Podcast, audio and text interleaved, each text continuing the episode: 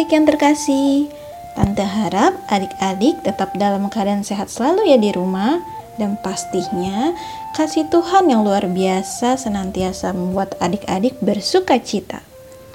Adik-adik, sebentar lagi kita mau mendengar dan merenungkan firman Tuhan. Adik-adik sudah siapkan Alkitabnya kan? Good. Yuk kita sama-sama minta pimpinan dan hikmat Tuhan untuk membaca firman-Nya. Mari kita berdoa. Tuhan kami yang sungguh luar biasa, kami bersyukur dan bersuka cita atas kasih-Mu yang tiada habisnya untuk kami.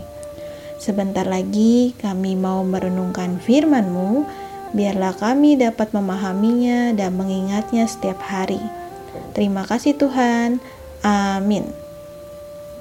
Adik-adik, Firman Tuhan hari ini terambil dari Lukas 24 ayat 33 sampai 35. Kita baca bersama-sama ya adik-adik. Satu, dua, tiga. Lalu bangunlah mereka dan terus kembali ke Yerusalem. Di situ mereka mendapati kesebelas murid itu. Mereka sedang berkumpul bersama-sama dengan teman-teman mereka Kata mereka itu, sesungguhnya Tuhan telah bangkit dan telah menampakkan diri kepada Simon. Lalu kedua orang itu pun menceritakan apa yang terjadi di tengah jalan dan bagaimana mereka mengenal dia pada waktu ia memecah-mecahkan roti. Adik-adik, Suatu kali ada burung pipit dan burung gagak sedang berbincang-bincang. Mereka menemukan keanehan yang mereka temui beberapa hari lalu. Hmm, kira-kira apa ya?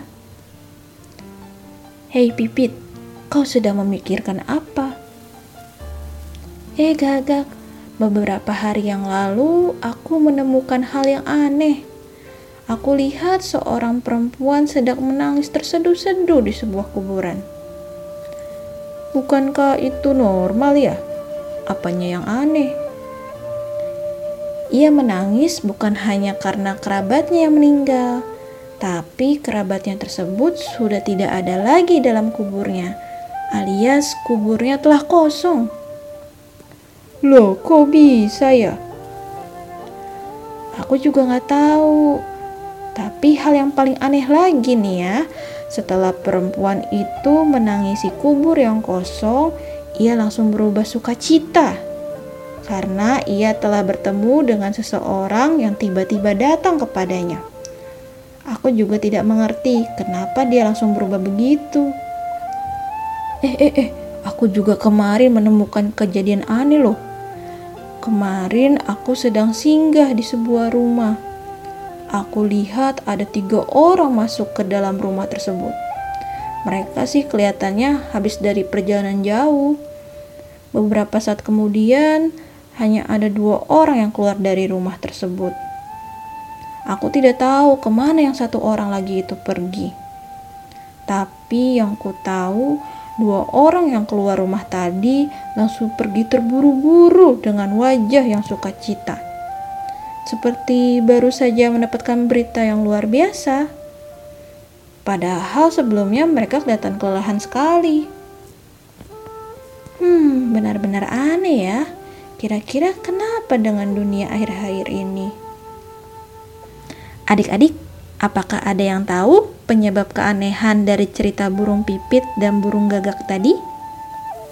Ya, benar Perempuan yang dimaksud burung pipit tadi adalah Maria Magdalena yang bersuka cita ketika bertemu dengan Tuhan Yesus setelah melihat kubur Yesus kosong. Dan dua orang yang keluar dari rumah tadi dan pergi terburu-buru tadi bersuka cita juga karena mereka telah bertemu dengan Tuhan Yesus. Ternyata orang yang mereka beri tumpangan adalah Tuhan Yesus adik-adik. Wow, sungguh luar biasa sekali ya Tuhan kita. Ia membuktikan bahwa ia benar-benar bangkit dan dapat mengalahkan maut. Adik-adik, maukah menyebarkan kabar baik kepada orang-orang di seling kita bahwa Tuhan Yesus telah bangkit?